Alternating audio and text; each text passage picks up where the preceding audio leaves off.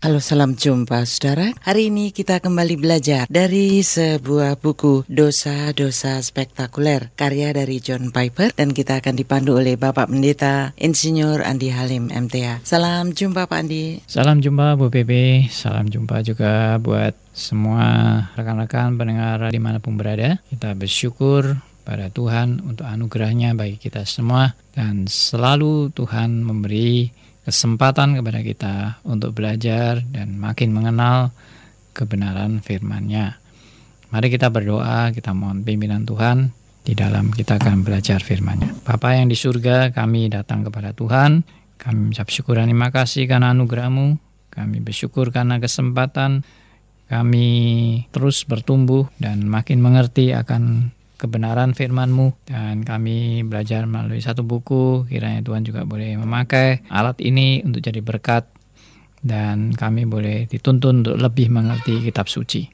Tuhan berkati dan Tuhan uh, kami percaya Tuhan juga sudah menyediakan yang terbaik bagi kami. Dalam nama Tuhan kami Yesus Kristus, Tuhan dan juru selamat kami yang hidup, kami berdoa. Amin. Saudara kita sudah belajar dari buku dosa-dosa spektakuler karya John Piper ini pada bab yang keempat dan beberapa topik sudah kita bahas. Sekarang kita akan lanjut pada bahasan yang selanjutnya. Pak Andi akan memberikan review dulu pada pelajaran yang lewat. Ya, saudara, sudah berapa kali kita membahas mengenai kedaulatan Allah dan semua ini juga berkaitan dengan hal-hal yang tidak menyenangkan termasuk musibah termasuk hal-hal yang negatif yang terjadi dalam kehidupan kita, tetapi tidak ada satupun hal yang kebetulan dan tidak ada satupun yang bisa terjadi di luar uh, kedaulatan Allah dan penetapan Allah. Nah, kita sudah sampai kepada kaitan dengan Kristus bahwa segala kejahatan yang terjadi itu pun tetap tidak terlepas dari uh, kemuliaan bagi Yesus Kristus. Nah, itu yang menjadi poin yang selama ini kita pelajari. Bahkan kejatuhan Adam pun itu dalam rangka menggenapi rencana Allah bahwa Kristus akan datang ke dunia. Jadi fokus daripada rencana Allah itu adalah Kristus datang ke dunia. Dan kejatuhan Adam bukan suatu kesalahan dalam rencana Allah. Dan bukan suatu keteledoran atau kebobolan ya atau kuasa yang bisa mengalahkan kuasa Allah. Sehingga rencananya menjadi terbelok tidak. Tapi kejatuhan Adam itu justru dalam rangka menggenapi kedatangan Adam yang kedua dan memang sudah ada rencana Allah, Adam pertama dan Adam kedua. Dan bukan Adam kedua datang karena Adam pertama, tidak. Tapi Adam pertama mengalami kejatuhan dalam rangka mempersiapkan kedatangan Adam kedua. Nah, ini suatu pandangan yang cukup kontroversial sekali. Tetapi justru ini yang alkitabiah ya. Artinya rencana Allah yang besar itu bukan uh, bukan uh, kejatuhan Adam itu menjadi uh, rencana Allah yang besar, bukan. Rencana Allah yang besar adalah kedatangan Kristus. Itu rencana utama Allah gitu. Jadi sebelum Allah memulai ciptaannya, Allah udah merencanakan Kristus akan datang. Dan hal-hal yang lain yang terjadi itu menunjang akan kedatangan Kristus dan menunjang akan kemuliaan Kristus. Nah, kita sekarang lanjut pada topik berikutnya, subtopik berikutnya yaitu Yesus kepala perwakilan kita. Yesus kepala perwakilan kita. Kita sudah membahas mengenai Yesus dia yang akan datang. Itu yang tadi saya katakan bahwa kedatangan Kristus itu bukan kedatangan tiba-tiba, juga bukan kedatangan yang sekedar karena kesalahan Adam. Kalau seperti itu berarti kedatangan Kristus itu tadinya bukan rencana Allah. Tapi gara-gara kesalahan Adam lalu baru uh, muncul ide dalam diri Allah bahwa Kristus harus datang. Jadi kalau begitu kedatangan Kristus itu hanya reaksi dari kejatuhan Adam. Kalau Adam nggak jatuh, Kristus nggak jadi datang. Nah itu itu itu justru pandangan yang keliru ya. Kristus datang itu sebagai suatu rencana Allah yang paling pokok.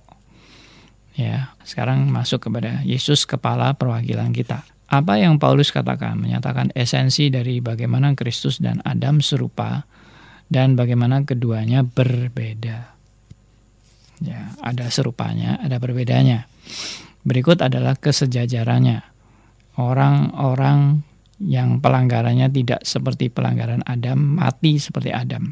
Mengapa? Karena mereka terhubung dengan Adam. Adam adalah kepala perwakilan kemanusiaan mereka. Dan dosa Adam diperhitungkan sebagai dosa mereka karena hubungan mereka dengannya. Ya, dengan Adam. Mas. Itulah esensi dari alasan Adam disebut tipe dari Kristus. Karena ketaatan kita tidak seperti ketaatan Kristus. Namun kita memiliki hidup kekal bersama dengan Kristus. Mengapa? Karena kita terhubung dengan Kristus oleh iman. Ia adalah kepala perwakilan kemanusiaan yang baru dan kebenar adilannya diperhitungkan sebagai kebenaran sebagai kebenar adilan kita karena hubungan kita dengan Kristus. Roma 6 ayat 5. Itulah kesejajaran yang tersirat di dalam menyebutkan Adam sebagai tipe dari Kristus ya, Adam mengenai dosa Adam lalu berkaitan dengan umat manusia yang dikutuk di dalam dia dan kemudian kematian kekal. Kemudian Kristus, kebenaran keadilan Kristus, kemudian menghasilkan uh, umat manusia yang dibenarkan di dalam dia oleh karya Kristus dan akhirnya hidup yang kekal. Jadi kalau Adam menghasilkan kematian kekal, Kristus menghasilkan hidup kekal. Adam menghasilkan dosa, dosa Adam. Kristus menegakkan kebenaran dan keadilan. Sisa dari perikop ini menguraikan betapa lebih besar Kristus dan karya penyelamatannya daripada Adam dan tindakan destruktifnya. Ingatlah apa yang saya katakan di awal bab ini. Apa yang kita lihat di sini adalah penyataan Allah akan realitas yang mendefinisikan dunia yang di dalamnya setiap orang di planet ini hidup. Semua orang di planet ini tercakup di dalam ayat ini karena Adam adalah bapak dari semua orang. Oleh karena itu, setiap orang yang Anda temui dari etnis apa pun menghadapi apa yang dibicarakan di dalam ayat ini, kematian di dalam Adam atau hidup di dalam Kristus. Ini adalah ayat yang global. Jangan sampai kita luput melihat kebenaran ini. Ini adalah realitas yang menentukan bagi setiap orang yang akan pernah Anda jumpai wawasan dunia Kristen yang lembek, menghasilkan orang-orang Kristen yang lembek. Ini bukanlah wawasan dunia yang lembek. Wawasan dunia ini membentang di atas seluruh sejarah dan di atas seluruh bumi. Wawasan dunia ini sangat mempengaruhi setiap orang di dunia dan setiap tajuk berita di internet. Jadi pembahasan kita kali ini lebih mempertegas fungsi Adam dan fungsi Kristus. Kalau Adam memang adalah wakil manusia yang menyebabkan semua manusia uh, lahir sebagai orang berdosa. Karena pengertian iman Kristen tentang dosa itu bukan dosa karena kita berbuat dosa, tapi kita berbuat dosa karena kita orang berdosa. Sejak lahir sudah berdosa. Bahkan sejak dalam kandungan sudah berdosa. Karena memang nenek moyang kita orang berdosa. Orang berdosa menurunkan dosa. Nah, ada orang yang nggak terima dengan hal ini, yang mengatakan saya kan tidak ikut-ikut Adam waktu Adam berbuat dosa. Kenapa saya di istilahnya kenapa saya dapat sialnya gitu loh? Saya kan nggak ikut-ikut. Kenapa saya dapat sialnya? Ya ini namanya hukum hukum alam atau hukum hukum yang terjadi karena akibat kutukan. Jadi kita memang tidak bisa menghindari bahwa natur manusia berdosa menurunkan manusia berdosa. Ya, kalau mau ilustrasi gampangnya itu uh, anjing punya anak anjing. Nggak mungkin anjing punya anak orang.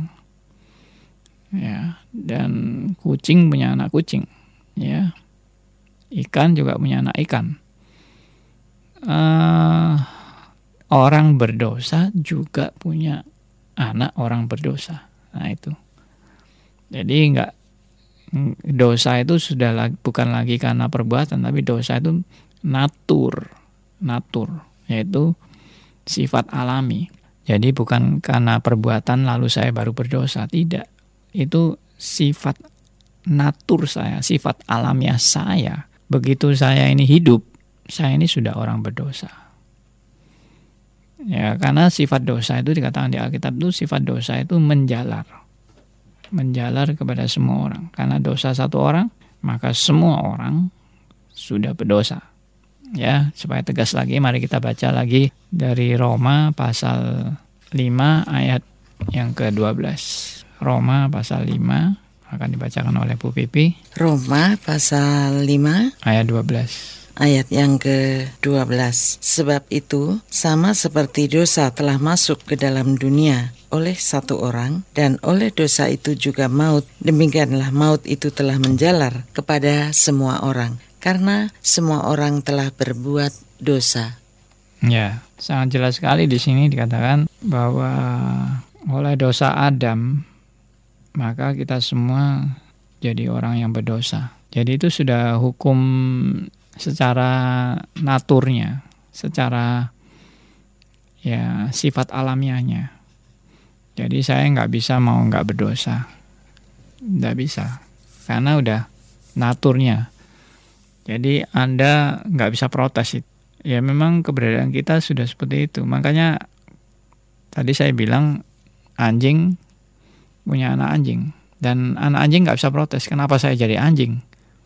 Saya mau jadi ikan aja ya nggak bisa dong kamu udah kamu uh, secara keturunan kamu itu nature-nya udah pasti anjing karena orang orang tuamu adalah anjing. Nah, nature kita secara alami begitu kita hidup, kita sebagai orang berdosa itu sudah sudah alamiah alamiahnya sebagai orang berdosa, sebagai orang yang sudah terkutuk. Nah, jadi ini nggak bisa lari. Anda mau lari ke mana aja dan Anda mau menghindarkan apa saja, Anda tidak bisa tidak pernah bisa lari dari kutuk dosa. Ya, masih Anda terima atau nggak terima, Anda tetap orang berdosa. Sama seperti misalnya orang lahir, akhirnya harus mati. Ya kita terima nggak terima, tetap kematian itu akan datang dalam hidup kita. Suka nggak suka, satu saat pasti mati ya Anda mau protes, Anda mau marah, Anda mau maki-maki Tuhan atau mau apa, tetap akan berakhir dengan kematian. Karena apa? Ya nature, sifat alamiah kita. Kita memang lahir nanti akan berakhir dengan kematian. Nah, kematiannya kapan? Nah, itu yang mungkin beda-beda tiap orang. Ada yang mati muda, ada yang mati tua, ada yang mati sakit, ada yang mati kecelakaan, ada yang ya apa pun kegiatan-kegiatan orang setiap saat bisa mati. Nah, jadi itu itu nature-nya. Mana bisa kita lari dari situ? Ya, tidak bisa lari. Anda mau lari ke mana aja, kematian tetap akan menjangkau Anda suatu saat. Anda mau bersembunyi di mana pun, ya, Anda mau pergi ke ujung dunia di mana pun kematian akan tetap uh, menjenguk kita ya dan dan dan akan akan kita akan kehilangan uh, hidup ini itu udah udah nature-nya. Ya demikian juga dengan dosa. Kita mau lari ke mana aja, kita nggak bisa nggak berdosa, berdosa terus.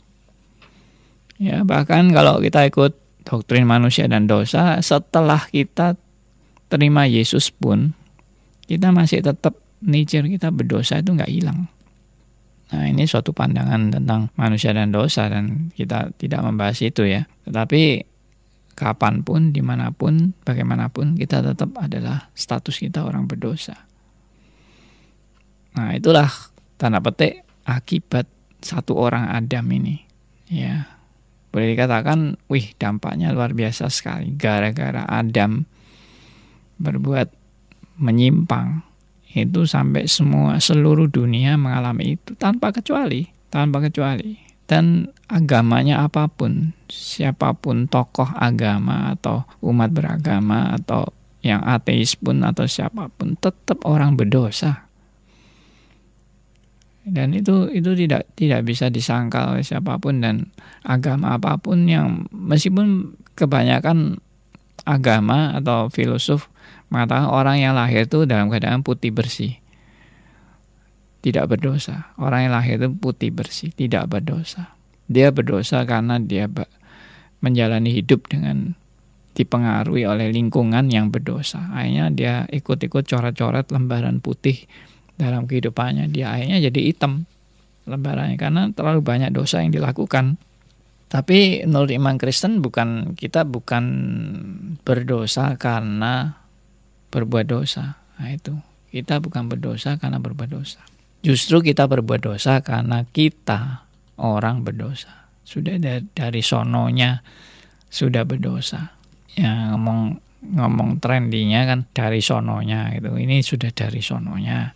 Ya, kenapa kamu kok uh, kurus begini ya dari sononya gitu kan? Ya, kenapa kamu orang berdosa dari sononya? Ya memang memang udah dari sejak semula manusia jatuh dalam dosa dan menurunkan orang berdosa. Nah, lalu kak, eh, akibat dari tingkah laku Adam ini, dari karya Adam ini dibandingkan dengan karya Kristus. Jadi karya Kristus adalah untuk menebus dosa umat manusia. Makanya Kristus juga membayar segala hutang dosa manusia. Dan Kristus karya Kristus ini tidak ada yang istilahnya nggak ada yang bisa menggantikannya kecuali Kristus. Kenapa? Karena Kristus satu-satunya yang lahir tanpa dosa. Loh kok bisa? Katanya kutuk dan semua orang yang lahir pasti berdosa. Kenapa Kristus tidak berdosa? Karena Kristus bukan dari hasil keturunan manusia. Ya, Kristus bukan hasil dari persetubuhan dari Yusuf dan Maria, bukan hasil dari juga sel telur daripada Maria, tetapi Kristus lahir dari Roh Kudus. Ya, memang dikatakan dari benih perempuan. Tapi benih perempuan ini maksudnya eh, keturunan, keturunan, keturunan, keturunan dari perempuan itu sampai kepada keturunan yang nanti akan melahirkan Kristus. Tetapi Kristus bukan dari keturunannya. Bukan. Kristus itu di luar uh, hasil keturunan-keturunan ini. Jadi memang Pak makanya di sangat sangat sangat ditegaskan di Alkitab bahwa Yusuf tidak bersetubuh dengan Maria dan Maria hamil bukan karena persetubuhan dengan Yusuf. Ya, bahkan Yusuf sampai mau menceraikan Maria. Nah, itu itu bukan cerita-cerita gitu aja. Itu itu itu penegasan bahwa Kristus adalah bukan keturunan manusia. Kristus adalah Allah yang menjadi manusia. Maka saya condong untuk mengatakan bahwa Kristus itu bayi titipan. Ya, tidak tidak persis seperti bayi bayi titipan uh, dari dari orang-orang tertentu. Karena bayi titipan itu juga berasal dari uh, persetubuhan sel selnya itu sel sel dari hasil uh, sperma dan dan sel telur yang dipersatukan. Tetapi uh, Yesus Kristus bukan dari hasil sel telur dan sperma yang dipersatukan, tidak. Ya, Kristus benar-benar benihnya itu dari Roh Kudus. ya bahwa Maria itu akan hamil karena Roh Kudus, bukan karena uh, sel daripada manusia. Ya, termasuk sperma dan sel telurnya. Nah, jadi uh, Kristus yang karena dia tidak berdosa dan dia adalah Allah yang sempurna dan dia yang sanggup menyelesaikan seluruh kehendak Allah dan mentaati Taurat dengan tak bercacat, maka Kristus satu-satunya yang punya syarat sempurna untuk menjadi penebus dosa yang tanpa cacat. Yaitu jadi Kristus sudah berkorban dan membayar segala tuntutan keadilan Allah. Yaitu keadilannya apa? Mata ganti mata, gigi ganti gigi, dan kamu hutang maut harus dibayar dengan maut. Maka Kristus disalib dan mengalami maut. Maut dan maut itu artinya adalah terpisah dari Allah. Karena itu Kristus berkata, Eli, Eli, lama sabatani Allahku, Allahku, mengapa engkau meninggalkan aku? Ini bukan pertanyaan karena Yesus tidak mengerti, tetapi ini adalah suatu pernyataan perpisahan dan pernyataan penderitaan yang luar biasa dari Allah Tritunggal mengenai keterpisahan ini. Bahwa sebetulnya Allah Tritunggal tidak boleh berpisah, tetapi Kristus harus mengalami maut, harus mengalami keterpisahan demi kasihnya kepada manusia. Maka ini adalah suatu perpisahan yang amat sangat berat dan amat sangat menyakitkan dan penderitaan paling puncak Kristus adalah bukan dicambuk, bukan disalib, dipaku, dikasih, mahkota duri, diludai, dipukuli. Ya, bukan. Penderitaan Kristus yang paling-paling membuat Kristus menderita itu adalah perpisahannya dengan Bapa. Dan itu juga bukan hanya penderitaan Kristus, tapi itu juga penderitaan Bapa, penderitaan Roh Kudus, karena ada perpisahan dengan anak. Ya, jadi ini adalah suatu satu momentum yang dahsyat, boleh saya katakan begitu, sangat-sangat dahsyat. Dan pengalaman yang sangat-sangat pahit bagi Allah Tritunggal karena boleh dikatakan pelanggaran uh, terhadap natur Allah Tritunggal yang tidak boleh berpisah. Tapi harus mengalami keterpisahan dan Kristus sudah menyelesaikan dan sudah genap. Karena itu di waktu disalib sebelum semuanya selesai Kristus mengatakan sudah genap. Sudah genap berarti ya sudah selesai. Karya yang harus dilakukan Kristus sudah selesai. Makanya Kristus adalah benar-benar memenuhi syarat untuk menjadi penebus dosa manusia yang sempurna, tanpa cacat, tanpa kekurangan, ya, tanpa kelemahan, tanpa kesalahan, sedikit pun tidak ada. Nah, itu begitu luar biasanya ya.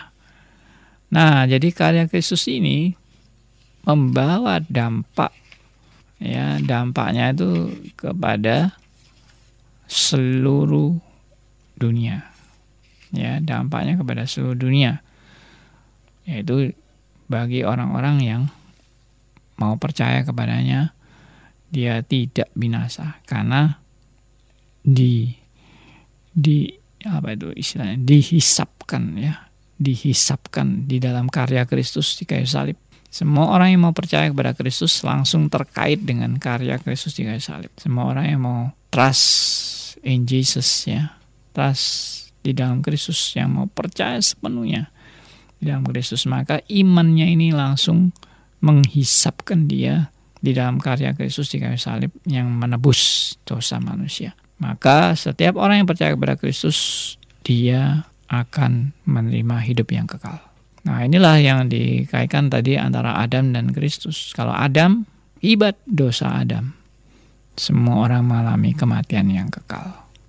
Tapi akibat karya Kristus, semua orang yang percaya di dalam Dia akan dibenarkan dan akan menerima anugerah hidup yang kekal. Ya inilah dua tokoh. Satunya tokoh yang membawa akibat membinasakan, satunya tokoh membawa akibat hidup yang kekal bersama dengan Tuhan selamanya. Ya kiranya boleh jadi berkat bagi kita semua. Saudara kita sudah mendengarkan Pak Andi memberikan penjelasan dari subtopik kita hari ini tentang dua tokoh Yesus dan Adam ya. Yesus kepala perwakilan kita. Kalau Adam perwakilan kita sebagai umat manusia berdosa ya Pak Andi ya. Hmm. Dan banyak kali kita akan menggerutu gitu ya. Coba Adam nggak dosa gitu ya. Tapi lagi pelajaran akan kembali pada itu sudah kehendak Tuhan sudah hmm. merupakan penetapan gitu ya. Hmm. Lalu tokoh yang satunya yang sangat fenomenal ini, Kristus ini adalah tokoh kebenaran keadilan hmm. yang mewakili umat manusia untuk dibenarkan di dalam Dia gitu ya hmm. Pak ya, untuk mendapatkan hidup yang kekal. Tapi kalau disebut-sebut disejajarkan apa enggak terlalu ya enggak sejajar dong Pak Andi, Adam hmm. dan Yesus. Iya, jadi maksudnya disejajarkan ini bukan karena sejajar tapi karena dampaknya. Sama-sama membawa dampak. Adam membawa dampak, Kristus membawa dampak. Tapi satunya dampak negatif, satunya hmm. dampak positif. Satunya gara-gara satu orang, semua orang jadi terbawa kepada maut. Lalu gara-gara satu orang, semua orang yang mau percaya akan diselamatkan. Nah itu dampaknya. Yang disejajarkan itu dampaknya, bukan kualitas. Kualitasnya iya. bukan. Nah, kita bisa coba kita baca dari Roma 6 ayat 5 itu ya. Roma 6 ayat ya, Jadi kita kan kita kan udah baca Roma 5 ayat 12 mm -hmm. yang gara-gara satu Adam. Mm -hmm. Nah, sekarang Roma 6 ayat 5. Roma 6 ayat 5. Sebab jika kita telah menjadi satu dengan apa yang sama dengan kematiannya, kita juga akan menjadi satu dengan apa yang sama dengan kebangkitannya. Nah, ya ini. Jadi karya Kristus yang adalah dari satu orang itu membawa dampak kepada kita untuk kita juga mengalami kebangkitan bersama dengan Kristus. Jadi dampaknya itu ya. Jadi karya Kristus memang luar biasa sekali dan hanya dengan percaya. Nah, itu itu juga luar biasa sekali. Hanya dengan percaya. Nggak ada syarat-syarat dan saya sangat sangat sangat ya kagum sekali ya dengan dengan firman Tuhan ini. Ini ini pasti bukan bukan karangan manusia. Karena kalau karangan manusia pasti tidak mungkin gampang gitu aja lah. Pemikirannya pasti harus pakai syarat ini syarat itu. Ya toh harus memenuhi memenuhi akan tuntutan-tuntutan peraturan agama berbuat baik dan sebagainya. Ini ini nggak ada berbuat baiknya. Itu yang bagi saya juga agama satu-satunya agama yang yang tidak mengajarkan berbuat baik untuk memperoleh keselamatan itu hanya hanya Kristen. Sedangkan uh, semua agama ya mungkin ada sih tertentu yang tidak juga mengajarkan kebaikan tapi rata-rata semua agama mengajarkan kebaikan untuk kita bisa masuk surga bisa bisa diselamatkan. Tapi dalam iman Kristen sama sekali tidak. Perbuatan baik tidak pernah bisa membawa kita kepada surga. Kenapa? Ya karena semua tadi itu sudah ternoda oleh dosa. Kita kita udah cacat istilahnya. Udah cacat. Jadi berbuat baik apa pun di hadapan Tuhan seperti kain yang kotor. Jadi nggak nggak nggak dianggap sama sekali. Tidak ada tidak ada tidak ada tidak ada artinya atau tidak juga membawa dampak apa-apa terhadap keselamatan kita perbuatan baik itu. Tapi itu yang tadi saya bilang, kalau kita berbuat baik, berbuat baik yang benar itu adalah bukan untuk selamat tapi berbuat yang baik yang benar itu karena mengucap syukur. Karena Allah sudah berkarya kepada kita dan Allah sudah memberi yang terbaik bagi kita maka karya Roh Kudus dalam hidup kita itu menggerakkan kita untuk kita mau bersyukur kepada Allah jadi perbuatan baiknya itu karena ucapan syukur, bukan karena ingin selamat. Karena perbuatan baik yang ingin selamat itu sudah bukan berbuat baik lagi, itu egois. Saya berbuat baik dan itu pamrih. Saya berbuat baik supaya saya bisa hidup kekal. Saya berbuat baik supaya saya bisa masuk surga. Saya berbuat baik supaya saya bisa selamat. Berarti kan berbuat baiknya pamrih. Berbuat baiknya itu ada karenanya, ya, bukan berbuat baik walaupun. Ya, jadi kita berbuat baik karena kita ingin masuk surga, karena kita ingin diselamatkan, karena kita ingin hidup kekal. Tapi berbuat baik kita itu bukan seperti itu. Berbuat baik kita itu adalah mengucap syukur kepada Allah yang sudah menyelamatkan kita. Bukan supaya kita selamat, tapi sudah menyelamatkan. Ya, itu itu itu menunjukkan juga suatu kualitas jadi kesadaran ini yang mengakibatkan kita itu lebih berkualitas ya. Kalau kita berbuat baik berbuat baik supaya masuk surga itu, itu sebenarnya tidak ada kualitasnya. Itu adalah satu bentuk egoisme yang hanya memikirkan bagaimana aku bisa masuk surga. Maka aku mau berbuat baik. Berarti perbuatan baiknya itu pamrih, perbuatan baiknya itu nyogok ya, spiritnya seperti orang nyogok. Tuhan tuh, Tuhan saya mau berbuat baik supaya Tuhan mau menyelamatkan saya. Berarti Tuhan saya sogok dengan perbuatan baik saya. Padahal tuntutan Tuhan bukan perbuatan baik. Tuntutan Tuhan itu apa? Maut ya, karena hutang maut harus dibayar dengan maut. Upah dosa adalah maut. Jadi kita semua ini harus bayar maut untuk bisa bebas dari maut. Tapi siapa yang mampu membayarkan? Karena kita dalam keadaan berhutang semua. Jadi yang mampu membayarkan hutang kita adalah yang tidak berhutang. Dan yang tidak berhutang itu hanya Kristus. Dia lahir tanpa dosa dan tidak berhutang apa-apa. Tapi dia mau bayar. Nah itu luar biasanya. Yang tidak berhutang justru yang mau bayar. Yang berhutang mau bayar nggak bisa. Karena dia harus bayar itu bukan dia bayar untuk bebas dari hutang. Tapi memang hutangnya itu yang harus dijalani ya maut itu yang harus dijalani. Kristus justru tidak terhukum dan tidak tidak dikutuk untuk mengalami maut tapi dia justru yang mengalami maut menggantikan kita. Nah itulah uh, luar biasanya karya Kristus. Dari satu orang ya satu orang karya Kristus yang sudah mengalahkan maut kita yang percaya kepadanya akan dihisapkan. Dalam karyanya sehingga kita juga mengalami dibebaskan dari maut. Kenapa?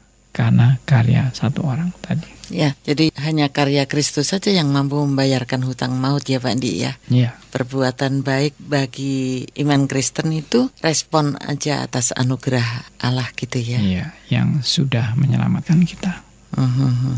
Jadi bedanya di situ ya, tidak pamrih. Tapi kita kan harus berbuat baik gitu ya Pak ya. Berbuat baik karena mengucap syukur. Mengucap syukur dan respon tadi. Tadi Pak Andi, barang siapa yang mau percaya dihisap dalam karya Kristus akan menerima hidup yang kekal. Ini bagaimana kalau kita pikirkan untuk mendapat anugerah hidup kekal kan udah ditetapkan. Tapi hmm. dengan percaya saja. Hmm. Nah ini usaha manusia. Hmm atau atau gimana Pak Andi?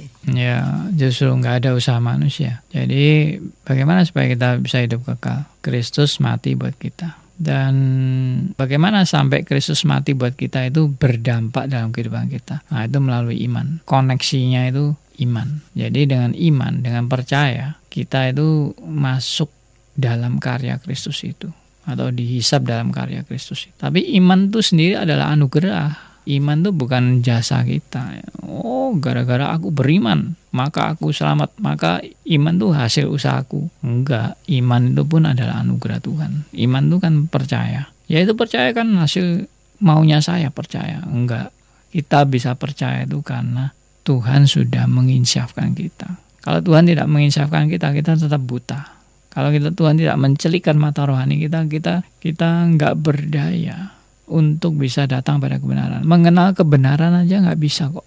Ya, Tuhan maka maka dikatakan Tuhan tuh mencelikkan mata rohani kita. Setelah mata rohani kita dicelikkan, baru kita sadar saya orang berdosa, saya orang nggak layak.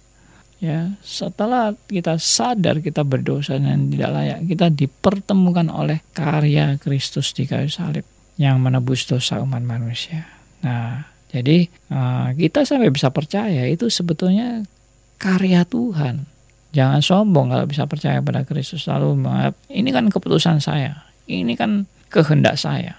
Kalau saya tidak mengambil keputusan, saya Tuhan juga tidak akan mampu menyelamatkan saya. Waduh, seolah-olah seolah-olah keputusan saya ini jasa juga ya. Keputusan saya ini membuat tawaran Kristus menjadi lebih laku gitu.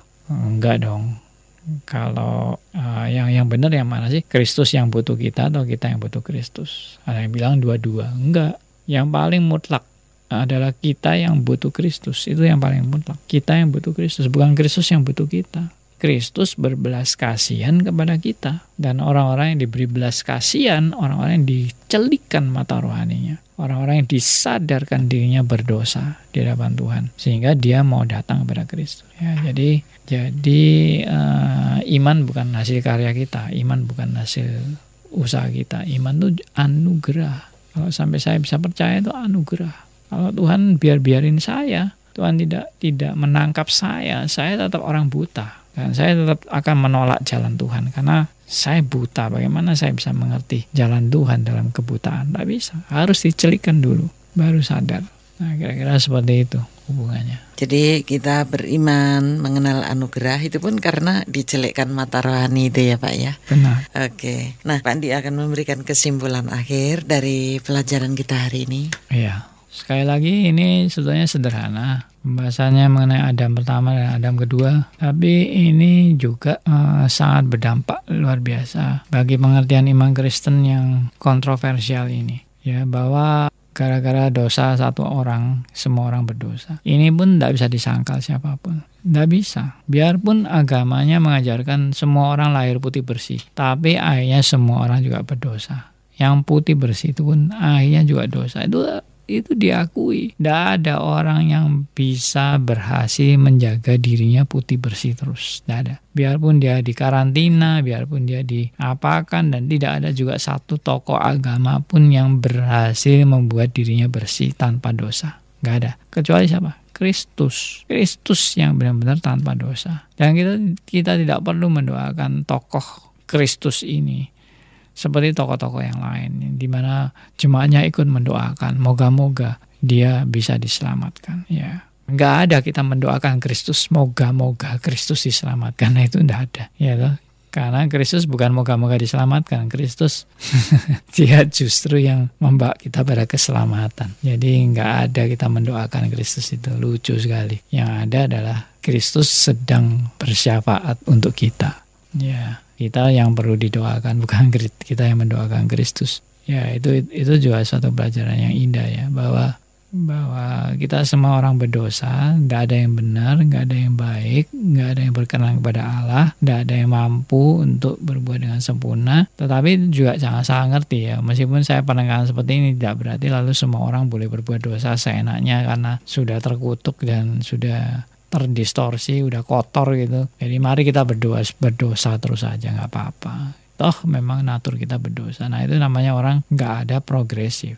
kita jelas-jelas mencatat progressive sanctification. Jadi itu adalah uh, proses pengudusan yang progresif yang terus-menerus bertumbuh ya makin lama makin mana kebenaran demi kebenaran. Jadi nggak tiba-tiba, nggak nggak kebetulan, ya tidak ini semua dalam rencana Allah dalam rencana Allah yang sempurna yang yang yang dari alfa sampai omega. Dan ini bukan suatu kesalahan dan bukan suatu revisi dari rencana Tuhan sehingga perlu diperbaiki lagi. Enggak ini adalah rencana Tuhan yang the best yang terbaik. Ya kita percaya bahwa karya Kristus itulah memang satu-satunya solusi untuk kita bisa bebas dari dosa. Kiranya ini boleh jadi berkat kita berdoa Bapa yang di surga kami bersyukur berterima kasih karena anugerahmu bagi kami. Kami boleh mempunyai Kristus. Dan Kristus ini adalah anugerah daripada Tuhan dan bukan karena kehebatan kami atau karya kami. Tapi semata-mata adalah karya pekerjaan roh kudus dan Kristus yang sudah datang ke dunia dan menjadi penebus dosa manusia. Kami boleh melihat ini sebagai rancangan Allah yang luar biasa. Yang tidak kebetulan dan tidak tiba-tiba dan dan dan bukan hanya sekedar uh, dan bukan untuk meresponi uh, dosa Adam. Kami sungguh bersyukur bahwa uh, kedatangan Kristus itu justru adalah rencana kekal Allah.